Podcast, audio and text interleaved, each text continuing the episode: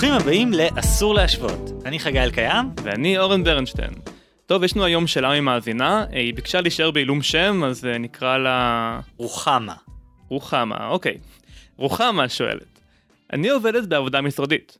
שעת ההגעה בבוקר היא שמונה וחצי, אבל שמתי לב שלאחרונה אני אף פעם לא מצליחה להגיע בזמן. לרוב אני מגיע באיחור של רבע שעה, אבל לפעמים זה מגיע גם לחצי שעה, ופעם אחת אפילו איחרתי בשעה שלמה. הבוסית שלי... בוא, בוא נקרא לה שושנה ולא בשם שכתוב לנו כן, פה. למה בעצם היא אמרה לנו את השם של הבוסית. שלה? כן. הבוסית שלי שושנה ממש רגישה לזה כשעובדים מאחרים והיא כל הזמן ממש מתעצבנת ואני מפחדת שבסוף היא תפטר אותי. אורן וחגי עזרו לי איך אני יכולה להפסיק לאחר לעבודה. הייתי בטוח שהמשפט האחרון לא הופיע שם ככה במקור, אבל אהבתי את העריכות שלך.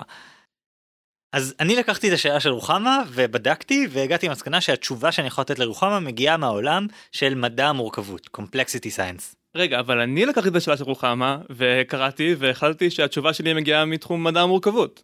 טוב בוא שניה נכבד את המיקרופון ואז נחליט איך מסדרים את זה.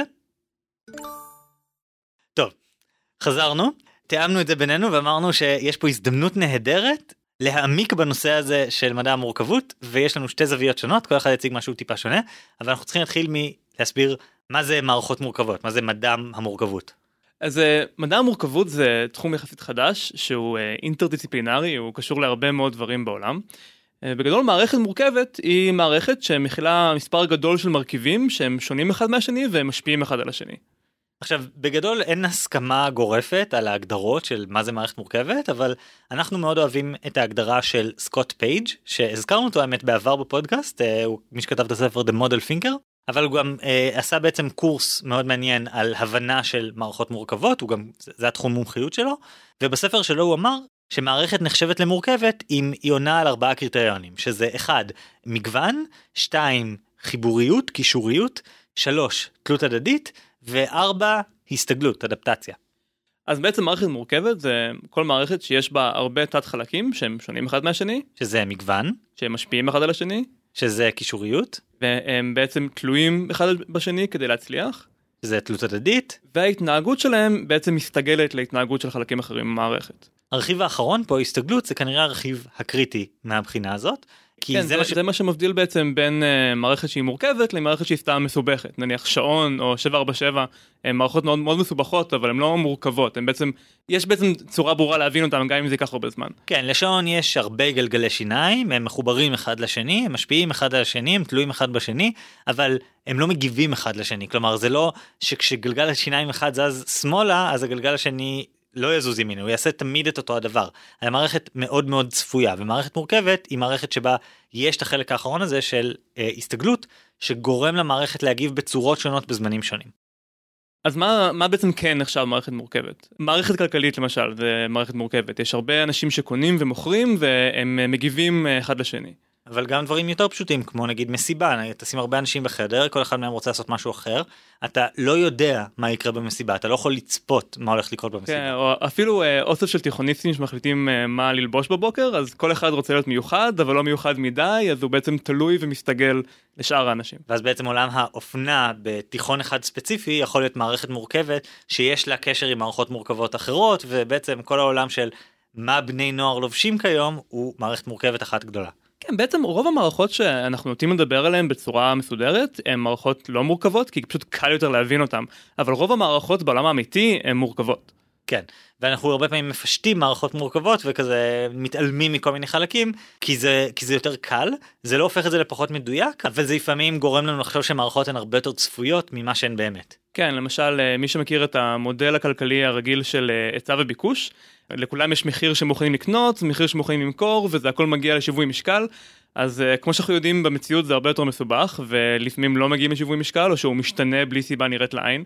וזה פשוט כי המודלים האלה שלומדים בתואר ראשון בכלכלה הם מתעלמים מכל המורכבות הזאת כדי שהם יוכלו להגיע לגרף הפשוט והיפה הזה.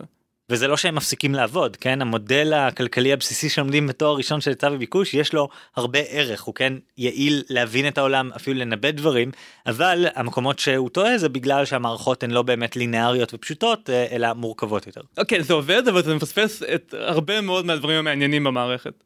בדיוק. אז זה לקצה המזלג על מערכות מורכבות אתם תבינו אותם יותר כשנתקדם רק רצינו להבין מה זה התחום הזה באופן כללי אנחנו ניכנס לכמה תחומים ספציפיים בתוך הדבר הזה. אוקיי, אז דיברנו קצת על מה זה מערכת מורכבת, ונראה לי עכשיו זה הזמן לפייס אוף. כל אחד יגיד למה לא לאחר דומה לדעתו. חגי. אז העיקרון שאני לוקח מתוך מדע המורכבות, שזה כמובן עולם שלם עם המון עקרונות שכולם מדהימים ואין לנו זמן לכולם בפרק הזה, זה העיקרון של קריטיות, criticality, שזה בעצם עיקרון שמתייחס לאופן שבו מערכת בנויה, כך שלפעמים טעות אחת קטנה יכולה לגרום לכשל קטסטרופלי.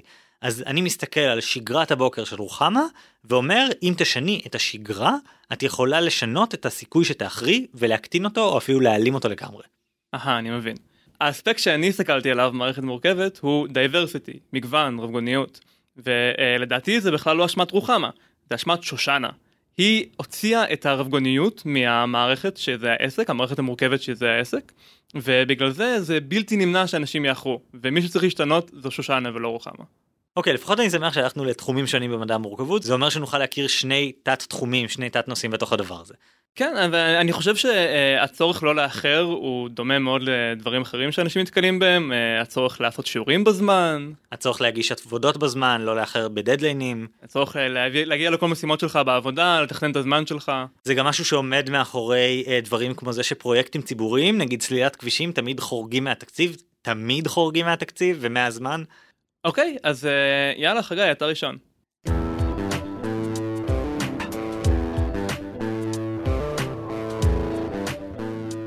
אוקיי, רוחמה. כאמור, אין לי חדשות טובות בשבילך. האיחורים האלה הם עלייך, הם בעיה שלך. הבעיה היא כנראה שאת מנהלת את שגרת הבוקר שלך בצורה לא נכונה. ומה שנוצר זה מצב שבו טעות אחת קטנה יכולה לגרום לעיכוב עצום בכל הבוקר שלך.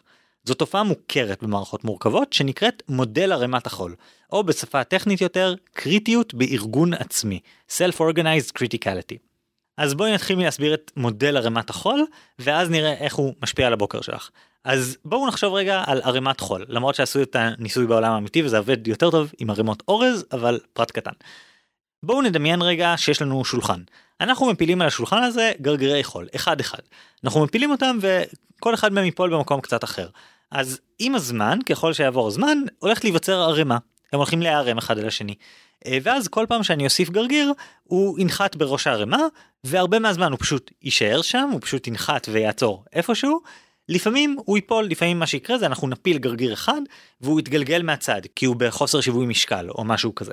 גם אם הגרגיר יתגלגל הצידה, הוא כנראה לא יגרום לאיזה מפולת רוב הזמן. לפעמים הוא פשוט יפיל עוד גרגר חול אחד או שניים או משהו כזה.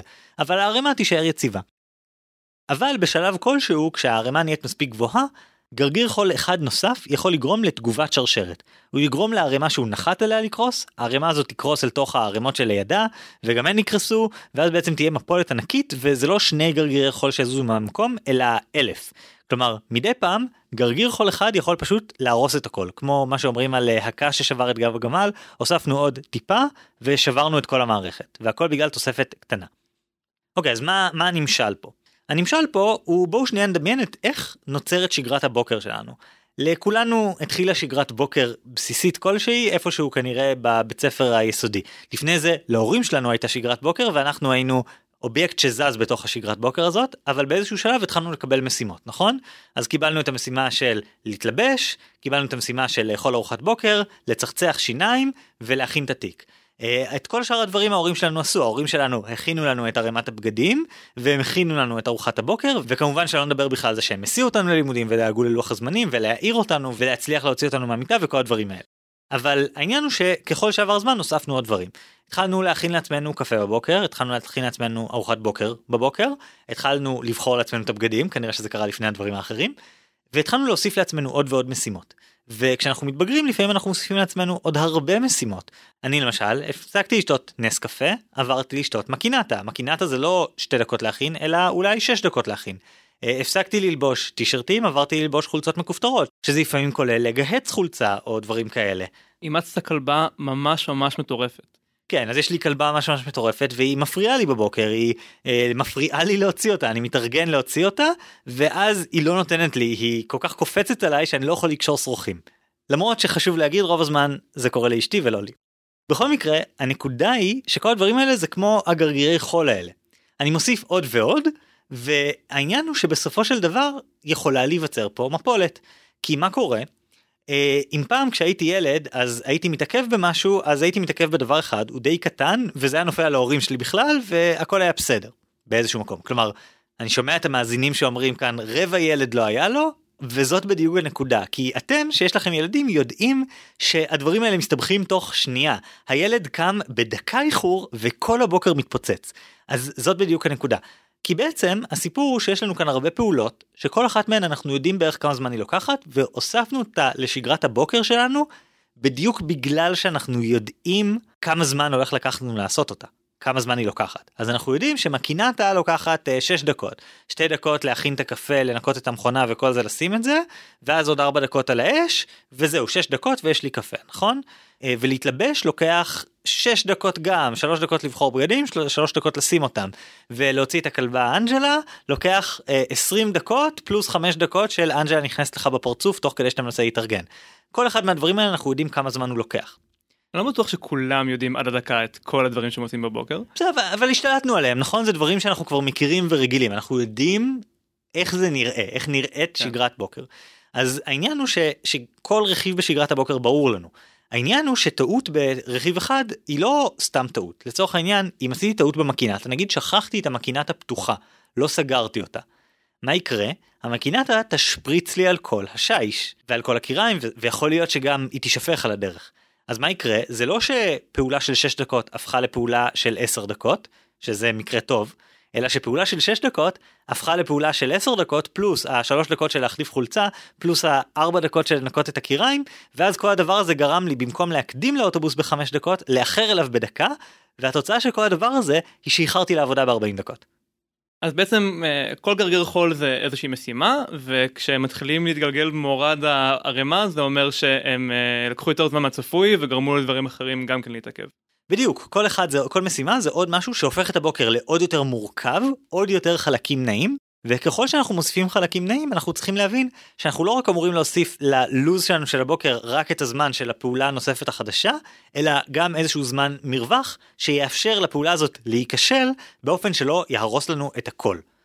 זה מעניין שאתה כל כך בטוח שרוחמה בנתה ככה את הבוקר שלה, כאילו זה, זה לא כתוב אצלה, אבל אני חושב שזה ניחוש די טוב, כי יש איזשהו משהו מאוד טבעי בבני אדם שהם מנסים לדחוס כמה שיותר עד שהמערכת מגיעה באמת לקריטיות הזאת. כן, אפילו לא נכנסתי לכל מיני דברים שהרבה מאיתנו מנסים לעשות בבוקר, כמו בזמן שהמקינטה שלי מתחממת, אני אכין סנדוויץ' או משהו כזה, כי אני לא צריך להשגיח על המקינטה. ואז באמת נוצרת תלות מאוד הדוקה בין כל החלקים, ואם משהו אחד משתבש, אז אוטומטית כל השאר משתבש. כן, כי הרי ככה מלמדים אותנו להעריך זמן. זמנים. תיקח את החלקים הקטנים כל חלק תאריך כמה זמן הוא לוקח. נכון שרובנו לא עושים את זה ברמת הדקות אבל כשאנחנו מתכננים את הבוקר אנחנו אולי עושים את זה בצ'אנקים. אני מתכנן את הבוקר שלי באיזשהו פורמט של רבע שעה להתקלח להתלבש כל הצ'אנק הזה עוד חצי שעה קפה בנחת בבוקר ועוד רבע שעה לעיכובים. אבל הרבה פעמים אני מפספס את זה שיש עוד חלקים בשגרת בוקר ואני מדמיין שהקפה ייקח לי רק חצי שעה כי אני שוכח שחצי שעה זה לא בנחת אלא בעצם בלחץ כי הוא ייקח לי 10 דקות להכין קפה ואז כל מיני דברים מסתבכים כי הסתכלתי על זה ופשוט לקחתי כמה זמן כל חלק לוקח צירפתי את כל החלקים ביחד והגעתי לאיזשהו שלם. זה ממש טבע האדם או אולי טבע האדם המערבי אה, כי אם נסתכל על פרויקטים הרבה יותר גדולים כמו באמת תכנון של כביש חדש אז תמיד רואים שהם ממלאים את כל הצ'אנקים של הזמן ושל הכסף כמעט עד הסוף. אנחנו אומרים לעצמנו שהשארנו מספיק ספיירים אבל בעצם הספיירים הם, הם זניחים יחסית לגודל של המשימה. בדיוק אותי נגיד לימדו כשהכנתי תקציבים לאירועים שתמיד אתה צריך להכין תקציב בלת"ם אז אמרתי טוב תקציב בלת"ם שים 500 שקל בצד. בלת"ם בלתי מתוכנן. כן תודה. Uh, בעצם אמרו לי תשים כסף בצד למקרה שיהיה איזה תקלה תשכח משהו וכן הלאה אז שמתי 500 שקל בצד. העניין הוא ש500 שקל זה, זה לא מספר רלוונטי למשהו כי זה תלוי במה הגודל של האירוע כי אירוע של 100 אלף שקל אם תהיה תקרית בעייתית היא לא תעלה 500 שקל היא תעלה 5,000 שקל, 10,000 שקל. אז בלת"ם, מאז לימדו אותי, זה משהו שאתה כולל בתקציב, זה סעיף תקציבי, שהוא לפחות 10% מהתקציב הכולל. כן, אבל נראה לי זה כואב לנו, מאוד קשה לנו להשאיר את זה בצד, זה מרגיש לי כאילו זה בזבוז, למרות שזה בעצם חיוני כדי שהמערכת תתפקד לאורך זמן. עזוב חיוני, זה אפילו לא מספיק, ה-10% הזה, אם בפרויקטים ציבוריים היה 10% בלת"ם, אחלה, זה לא היה מספיק אפילו כדי לחצות כן. את גודל החריגות האמיתיות שיש שם. בקיצור רוחמה אם יש משהו שאפשר ללמוד מבניית תקציבים מתקציבים של פרויקטים ציבוריים מכל הדברים האלה תכניסי עוד זמן לבוקר שלך. תניחי שייקח לך יותר זמן לעשות דברים, תתני לכל משימה יותר מהזמן שהמשימה אשכרה לוקחת, כי זאת הדרך היחידה שלך. כנראה שהבוקר שלך פשוט צפוף מדי, ואם הוא יהיה צפוף פחות, אז הסיכוי שהוא ישתבש יהיה הרבה יותר קטן. כן ואז כאילו זה מתחיל מהרוטינת בוקר שלנו ונגמר ב, בעולם אנחנו לאט לאט ממלאים את כל הספיירים עד שזה בלתי נמנע שתהיה תקרית. כן נראה לי שהדוגמה הכי טובה לזה זה מלחמת העולם הראשונה שהרבה פעמים מדברים עליה כדוגמה למערכת שנמצאת בקריטיות כלומר במצב כזה שבו תקלה קטנה יכולה להרוס את הכל. טוב במלחמת העולם הראשונה רצחו את יורש העצר האוסטרי טוב אני מניח שזה באמת קטן בקנה מידה של כל העולם. כן, אבל מה שקרה זה שהייתה מערכת כל כך סבוכה של בריתות, שלכל מדינה הייתה ברית או בריתות עם שש מדינות אחרות, והכל היה במערכים כאלה מורכבים, ולפעמים היו בריתות סותרות, וכל מיני דברים כאלה הסתבכו ביחד, אז בעצם דבר אחד קטן גרם לכולם להיכנס למצב מלחמה תוך זמן מאוד מאוד קצר. כן, אני שמעתי שזה התחיל מאוטו וון ויסמרק, קאנצלר הברזל של גרמניה, שזה היה בסוף המאה ה-19, והוא בעצם היה הארכיטקט של הרבה מהבריתות האלה. והוא מין כזה איזן נורא בזהירות כל מדינה נגד כל מדינה אחרת. הבעיה הייתה שהיחיד שידע לנהל את זה בלי שזה באמת יגלוש לקטסטרופה היה ביסמרק בעצמו. אז ברגע שהוא מת זה היה רק עניין של זמן. בדיוק, אז הייתה מערכת כל כך מורכבת, עם כל כך הרבה חלקים נעים, שאף אחד לא הבין בכלל איך הם משפיעים אחד על השני כמו שצריך, והתוצאה הייתה שמשהו נורא קטן יכול לדחוף את כל המערכת מעבר לקצה. האמת שכל הנושא הזה של מלחמת העולם הראשונה מסביר עוד דברים שקשורים לכל העניין הזה של קריטיות, וזה ההתפלגות של אירועים. כלומר, כמה נפוץ שנראה אירועים מסוגים שונים, מעוצמות שונות. לצורך העניין, אה, דיברנו על מודל ערימת החול, אמרנו שרוב הזמן אה, ייפול, גרגיר חול שיפול, יפיל איתו עוד אחד או שניים מעט, אבל מדי פעם הוא יפיל מלא. אז 아, כן, כמו שרוחמה, בדרך כלל מאחרת ברבע שעה, אבל מדי פעם זה חצי שעה ואפילו שעה. בדיוק. אז זה בעצם איזשהו עיקרון שנדבר על זה שאירועים מורכבים וגדולים כאלה מתפלגים בהתפלגות שנקראת power law distribution.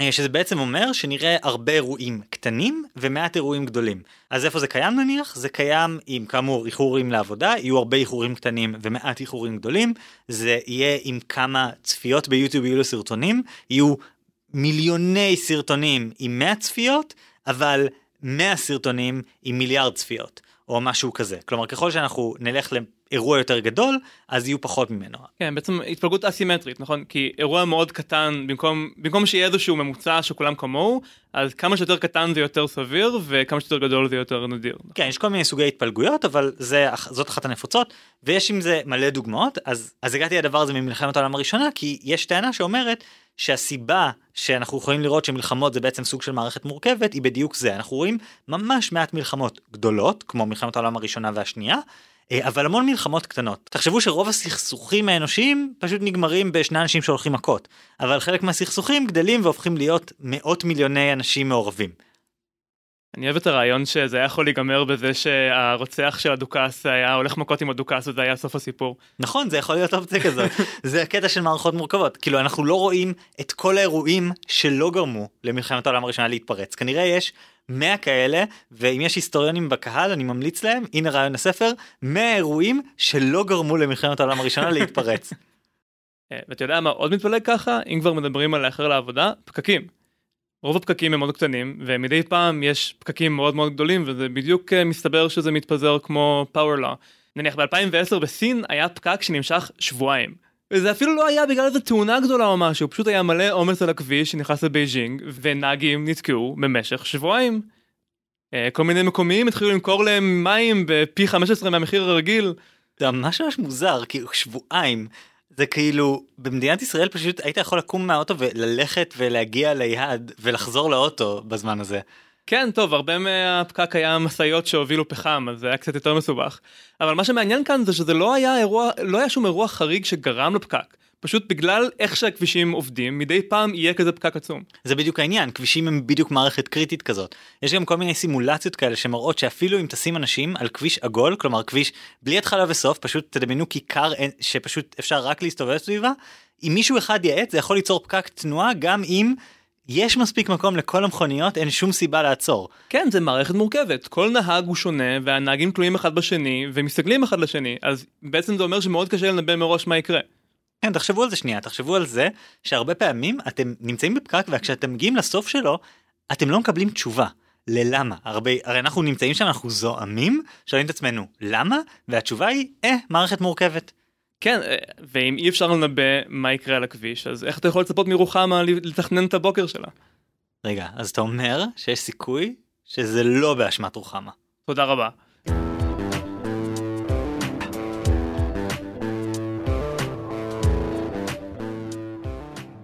רוחמה יקרה, הבעיה היא לא בך. הבעיה התחילה מזמן, כששושנה החליטה שכולם צריכים להגיע באותה השעה.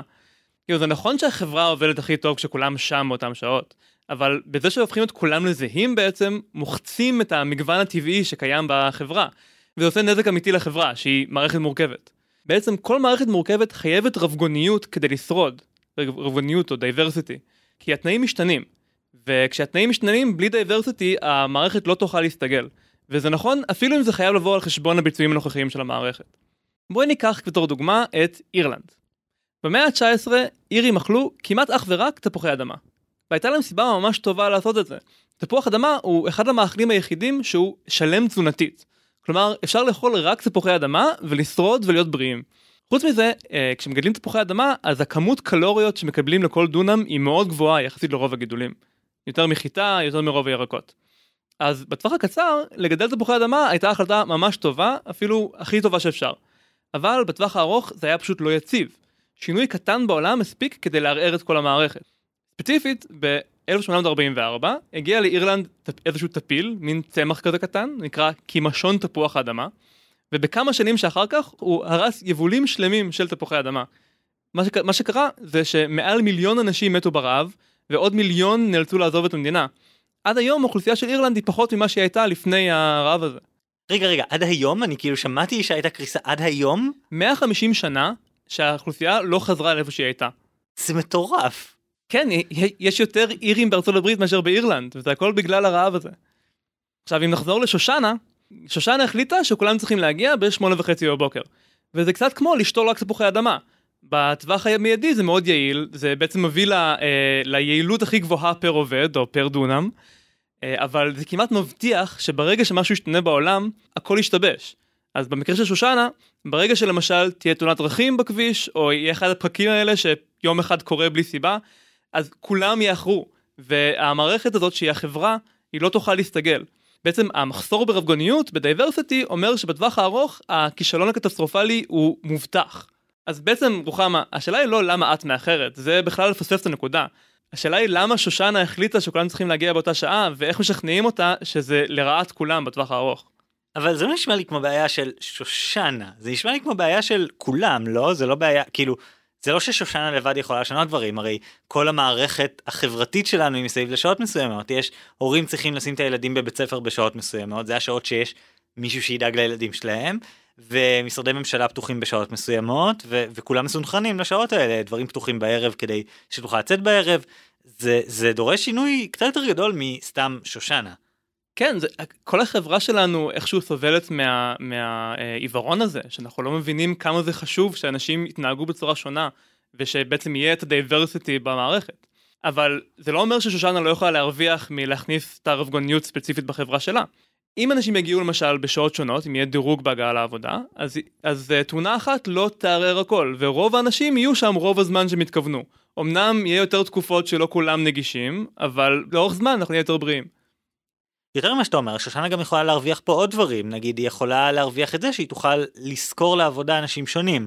נגיד היא תוכל להחליט שחלק מהאנשים הם הורים, כלומר עם לו"ז של הורים שצריכים לבוא מוקדם ולצאת מוקדם מהעבודה בסוף היום, אבל יש אנשים שיכולים לצאת יותר מאוחר, נגיד חבר'ה בני 25, שיכולים פשוט לבוא ב-12 בצהריים ולהישאר עד הערב ואולי לענות ללקוחות באזור זמן אחר, או דברים כאלה. כן, אולי זה נשמע כאילו אני מתקטנן פה על עניין של שעת ההגעה, לדעתי זה סימפטום. חברה שאומרת לכולם להגיע באותה שעה, פשוט לא, כנראה לא מסוגלת לתמוך בזה שאנשים מסוגים שונים יעבדו שם.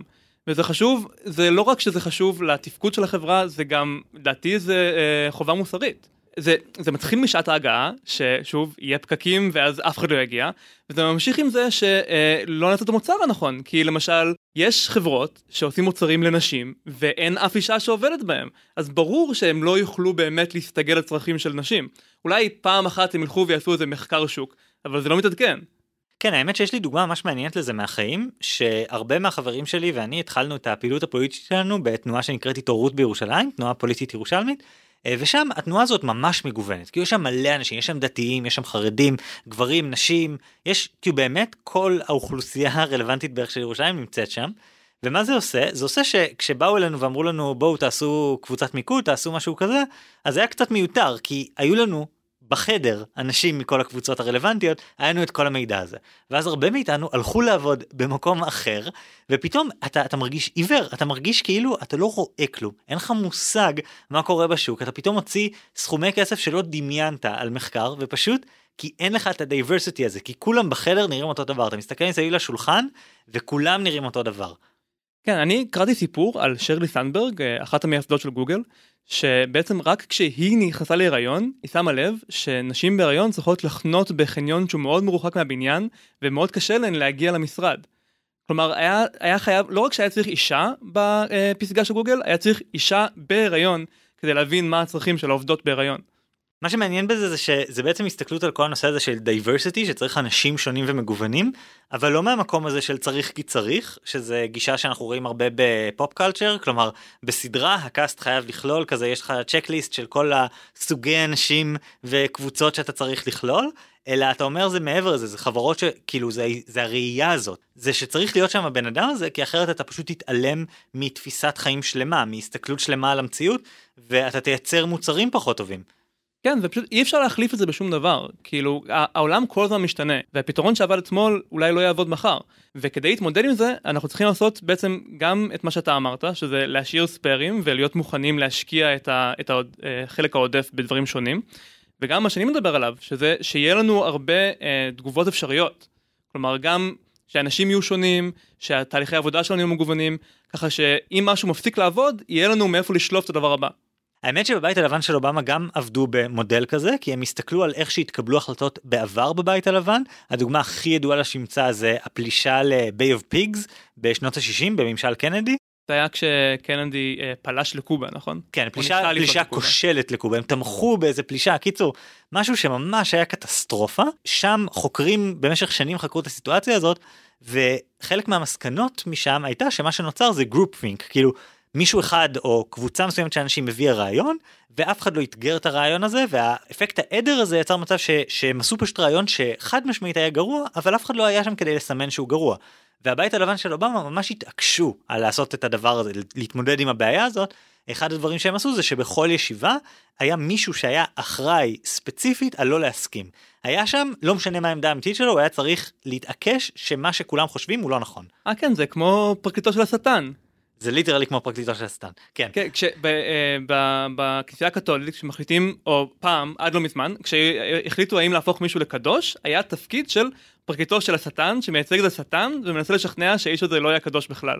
בדיוק, אז הדבר הזה הוא מאפשר לפנצ'ר את, ה, את הבועה הזאת של הקונצנזוס הבעייתי. אז זה עוד דרך להכניס לתוך מערכת diversity. כן, אני חושב שבעצם אנחנו נוטים לא להפנים כמה מערכות הן מורכבות. גם במקרה הזה של אה, להנהל על פתרון אחד וגם אה, כמו שדיברנו קודם לא, לא להשאיר מספיק ספיירים בפרויקטים זה בגלל שאנחנו מאוד ממוקדים ביעילות. ואם המערכת הייתה לא מערכת מורכבת במובן הזה שדיברנו עליו אז זה גם היה הדבר הנכון לעשות. כלומר אם אה, היינו יודעים שלאירלנד לא הולכים להגיע אף זן חדש של חיה אז היה נכון נגד רק תפוחי אדמה כי זה באמת מפיק הכי הרבה תועלת. אבל זה בא על חשבון הגמישות. בעצם בתחום של מערכות מורכבות יש אה, שם לדילמה הזאת, זה בעיית ה-exploration versus exploitation, או בעברית גילוי לעומת ניצול. מה, מה הסיפור? מערכת מורכבת היא כל הזמן משתנה, ולכן אנחנו צריכים כל הזמן להשקיע משאבים בלהבין מה קורה בה כרגע, לעשות גילוי או exploration. אבל זה תמיד יבוא על חשבון אה, להשתמש בידע שכבר יש לנו כדי להפיק את המירב מהמצב הנוכחי. כלומר על מה אנחנו שמים את המשאבים האם אני שם את המשאבים שלי על לשים פרסומות או בלברר איזה פרסומות אני צריך לשים. כן בדיוק או אפשר לדמיין מישהו שמטייל באיזשהו רכס הרים ורוצה להגיע הכי גבוה, אבל ההרים כל הזמן משנים גובה. אז מה הוא צריך לעשות? הוא צריך חלק מהזמן לטפס ולטפס, כי אחרת הוא בחיים לא יגיע. מצד השני הוא חייב לבדוק אם הוא עדיין על ההר הכי גבוה. כלומר אז בעצם אם, אם אני אחזיר את חזרה לנמשל שלנו לסיפור של רוחמה או נראה לי שהסיפור הפך להיות שוק העבודה ולא רוחמה אבל אם אני אקח את זה לסיפור הזה אז כולנו ננעלנו על איזשהו משהו שאנחנו אומרים זה זה המצב האופטימלי הגענו לפסגה אבל יכול להיות שיש פסגות אחרות ויכול להיות שצריך לגוון צריך לרדת צריך לעלות שוב צריך לבדוק האם התנאים השתנו והאם הפסגה שאנחנו נמצאים בה עכשיו הפכה להיות עמק. כן, זה אפילו יותר גרוע מזה עצם זה שהרבה אנשים עושים אותו דבר הופך את הפסגה לעמק. כלומר, אם כולנו נוסעים בכביש באותו זמן, אנחנו מתחרים על, ה, על השטח הפנוי בכביש, הוא מוגבל. אז ברגע שכולם החליטו שדבר מסוים הוא הדבר הנכון לעשות, זה כשלעצמו הופך את זה לדבר פחות טוב לעשות. בעצם יש כאן אה, היזון שלילי, נגטיב פידבק. כל בן אדם נוסף שעושה משהו, הופך אותו לפחות שווה. אנחנו חייבים להיות כל הזמן עם האצבע על הדופק בשביל הדברים האלה. אז אתה אומר שהבעיה של רוחמה היא בסוף בשוק העבודה ובעצם ההסתכלות שאנחנו צריכים לחשוב עליה היא אולי צריך לשנות את כל שוק העבודה ולהפסיק עם הקטע הזה של כולם צריכים להיות במשרד בשמונה וחצי בבוקר ועל הדרך מה נפתור את בעיית הפקקים גם? כן בטח למה לא.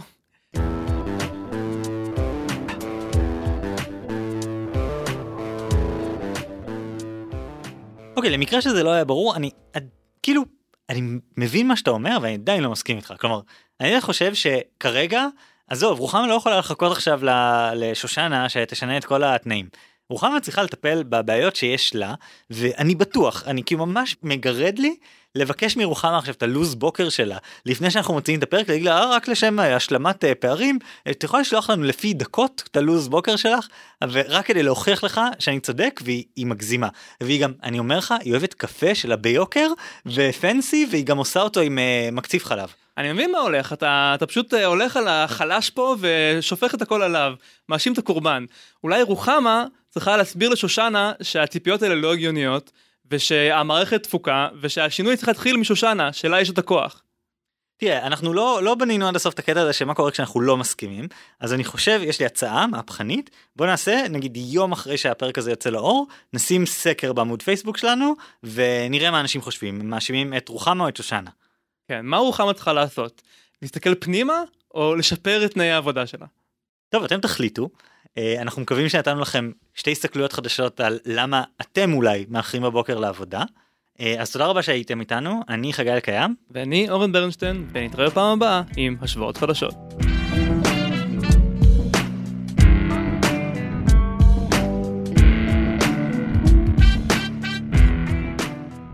טוב, אז אנחנו בחלק של אחרי הכתוביות. עכשיו, יש, עכשיו אנחנו גם יודעים שיש מוזיקת סיום. כן. אז בוא נדבר על מאיפה הגענו לזה. עכשיו, אנחנו שנינו קראנו את הספר Understanding Complexity. כן, ש... באמת הגענו אליו בנפרד, זה מה שמצחיק. כן, כי סקוט פייג' שכתב אותו, כמו שאמרתי, הוא כתב את אה, הספר שדיברנו עליו בפרק הראשון, Model Thinker, הוא, אבל הוא בעצם פרופסור ל complexity science, אה, אבל מהתחום של מדעי החברה, הוא מדען מדינה נראה לי במקור או משהו כזה. Uh, הספר הזה הוא ספר uh, אנחנו שמענו אותו שנינו בספר שמע באודיובוק בסדרה שנקראת Great Courses שזה בעצם קורסים כל שיעור חצי שעה והוא עוסק בנושא אחר ויש בעצם הספר הזה הוא עם 12 שיעורים או משהו כזה.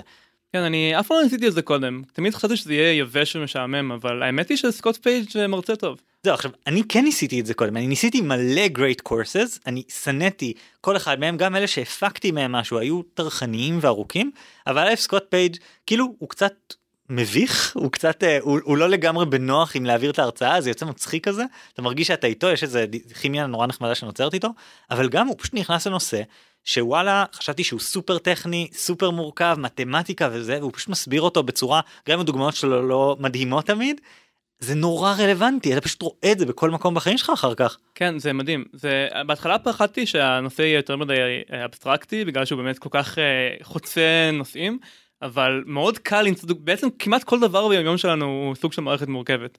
למרות זאת סקוט פייג' מעדיף משום מהדוגמאות של אה, כדור בתוך uh, קערה. ו... הדוגמה שהכי אהבתי שם למודל ערימת החול אני, אני אגיד אותה בקצרה זה הוא אמר תדמיינו שבמקום להפיל גרגרי חול על השולחן uh, אנחנו מפילים שחקני ברידג' ללוח שחמט.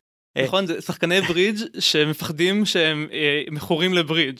כן אז אם אתה אם בטעות אתה מפיל שחקן רביעי לאותה משבצת שיש עליה שלושה שחקנים אחרים אז הם יתפזרו כל אחד לכיוון אחר כדי שלא הולך להיות משחק ברידג' בטעות כי הם מכורים ואז מה שקורה זה שאתה מפיל אותם בהתחלה הכל בסדר ואז בום הפלת מישהו רביעי לאיזשהו מקום ואז הם נשפכים לארבעה כיוונים אחד מהם יוצר תגובת שרשרת בזה ליד ולמי שמכיר את משחק הלוח פנדמיק אז חוויתם בדיוק את זה מספר רב של פעמים ואמרתם אוי לא אוי לא. כן, מישהו צריך לספר לסקוט פייג' שהמשל אמור להיות יותר פשוט מהנמשל. למרות שאולי גם לנו צריך לספר את זה. אוקיי, אז אז זה- זה הדבר העיקרי ש- שאני קראתי, מה אתה קראת? אה, אז אני קראתי על diversity, אז אה, באופן טבעי נמשכתי לנושא הזה של diversity של נשים ושל מיעוטים, שזה נושא שהוא מדברים עליו המון בתעשיית ההייטק, שאני חלק ממנה. וקראתי ספר שהתכוונתי לקרוא כבר מזמן בשם אה, Invisible Women, מאת אה, קרוליין קריאדו פרז, שהיא מדברת בעצם על המחסור בדאטה על נשים, ואיך שזה ממש גורם להשלכות אה, בחיים של נשים. סתם לדוגמה, כמעט אין ניסויים על תרופות עם נסייניות נשים.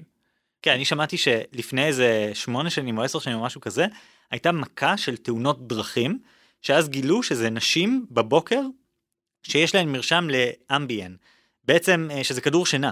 אז בעצם מה שקרה זה הן הגיעו בבוקר הן עדיין היו מטושטשות ואז בדקו את זה ומה שגילו זה שהמנה המומלצת של אמביאן היא פי שתיים לגברים מאשר לנשים.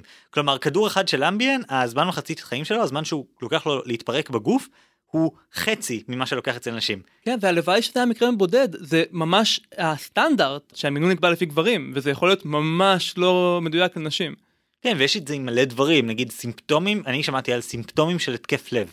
שסימפטומים של התקף לב הם לגמרי שונים אצל גברים ואצל נשים וזה בלי להיכנס לעוד מלא דברים אחרים שיש ואתה יודע איך בהסכם. רופאים קוראים לסימפטומים של נשים? קוראים לזה atypical symptoms, שזה פשוט להוסיף חטא על פשע. כן כאילו זה זה סימפטום לא נפוץ הוא נפוץ רק אצל רוב האוכלוסייה.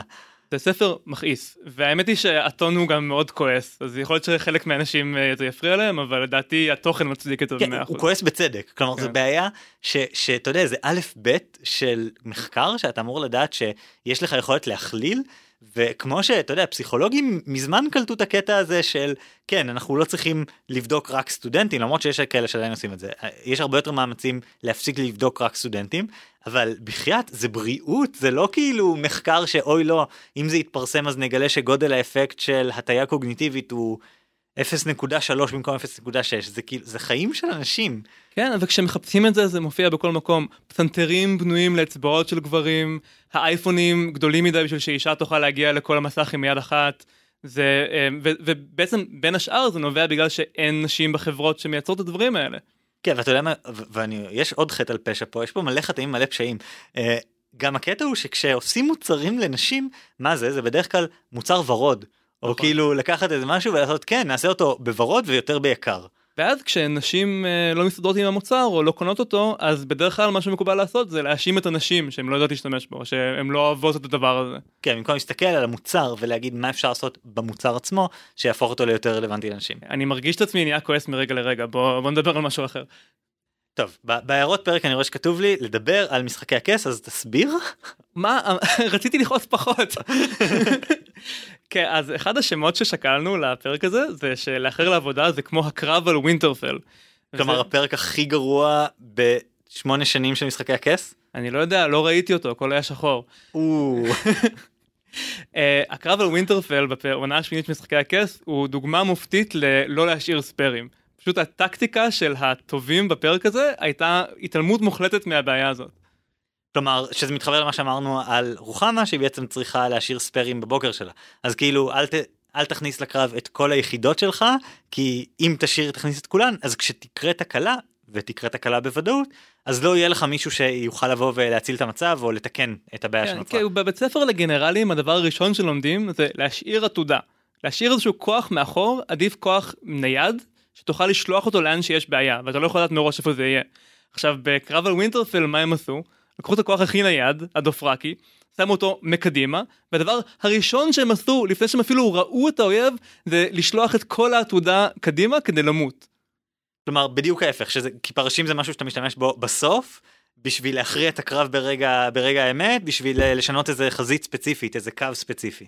כן, זה כאילו, זה, זה דומה למצב שבו באחד האירועים שארגנת, היית לוקח את הכסף של הבלת"ם, והדבר הראשון שאתה עושה זה מעלה אותו באש כדי שיהיה אור, ולפי זה, אה, לפי האור הזה כותב את התוכנית של, ה, של האירוע. הייתי רוצה לומר שמה שאתה אמרת עכשיו הוא דוגמה דמיונית אבל ראיתי שימושים בערך באותה רמה של כספי בלטם.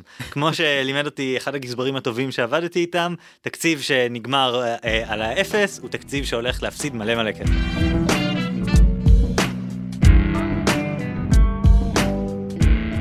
תודה שהאזנתם לאסור להשוות. אנחנו מזמינים אתכם לעשות לייק לעמוד הפייסבוק שלנו, לשלוח לנו דילמות מהחיים שתרצו שנענה עליהן, ולפנות אלינו עם הצעות, שאלות והערות.